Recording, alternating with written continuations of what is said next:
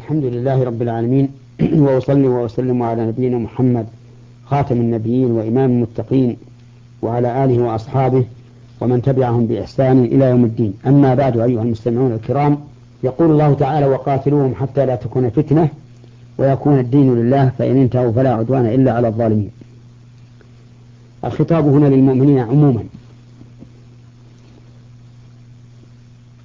والضمير في قوله ألهى والضمير ألهى في قوله وقاتلوهم يعني الكفار وحتى هنا للغاية. ويحتمل أن تكون للتعليل. فإن كانت للغاية فالمعنى قاتلوهم إلى أن لا تكون فتنة. وإن كانت للتعليل فالمعنى فمعنى الآية قاتلوهم لئلا تكون فتنة.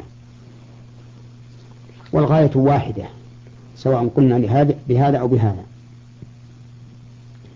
قاتلوهم حتى لا تكون فتنة أي لا يكون صد عن سبيل الله بحيث ينكف شرهم.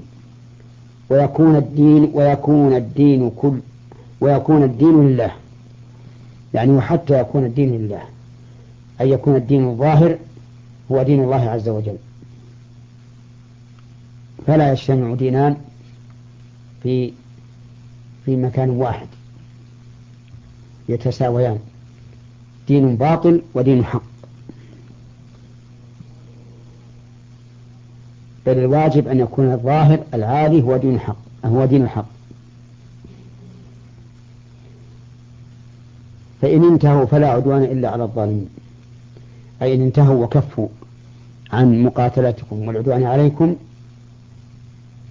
فلا عدوان علي فلا عدوان إلا على الظالمين. أي فإنما أذنا لكم في مقاتلتهم لأنهم ظالمون. فإذا كفوا وكفوا شرهم فإنه فإنهم لا يقاتلون.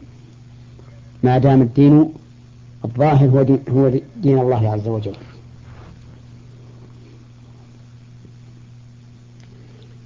ففي هذه الآية الكريمة من الفوائد والأحكام وجوب قتال المشركين وغيرهم من الكفار حتى لا تكون فتنة في دين الله عز وجل.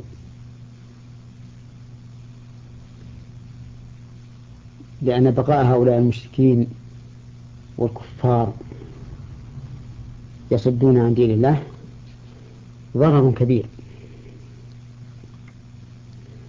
ومن فوائد هذه الآية الكريمة وأحكامها الإشارة إلى أن الحامل على قتال الكفار هو أن لا تكون فتنة. وهو أن يكون الدين لله. فلا يظهر في أرض الله على فلا يظهر في في أرض الله من شرائع الناس إلا شريعة رسول الله صلى الله عليه وعلى آله وسلم.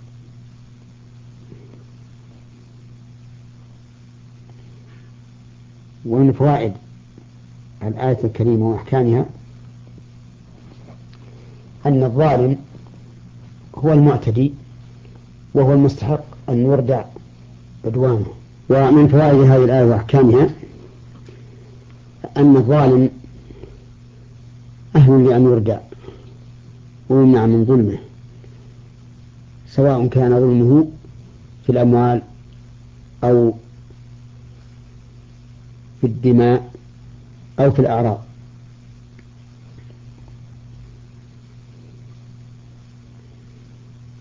ثم قال الله تعالى الشهر الحرام بالشهر الحرام والحرمات قصاص. الشهر الحرام يعني الشهر المحرم الذي له حرمة ومزية على غيره والأشهر الحرم أربعة.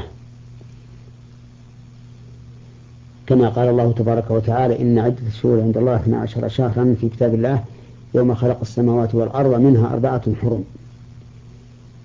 وهي ذو القعدة وذو الحجة والمحرم ورجب والباء في قوله بالشهر الحرام للبدن.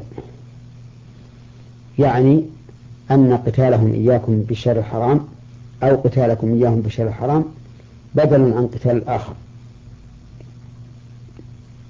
أو أن المعنى أن العمرة التي فاتتكم في الحديبية في الشهر الحرام وهو ذو القعدة سوف تقولونها في الشهر الحرام من العام الثاني. ولكن المعنى الأول أليق بالسياق. والحرمات قصاص أي مقاصة. فمن انتهك حرمتك فانتهك حرمته. ولهذا قال فمن اعتدى عليكم فاعتدوا عليه بمثل ما اعتدى عليكم. وقوله فاعتدوا عليه بمثل ما اعتدى عليكم سمى المجازات عدوانا لأن الحامل لها لأن الحامل عليها هو العدوان. أو من باب المقابلة اللفظية دون المعنوية. وذلك لأنه لأن الجاني أولا هو المعتدي حقيقة وأما من اختص لحقه فليس بالمعتدي. ثم أمر الله تعالى بالتقوى ورغب فيها فقال واتقوا الله واعلموا أن الله مع المتقين أي معهم بالنصر والتأييد والمعونة. وهذه معية خاصة كما سنذكره في الفوائد والأحكام إن شاء الله. في حلقة قادمة. والسلام عليكم ورحمة الله وبركاته.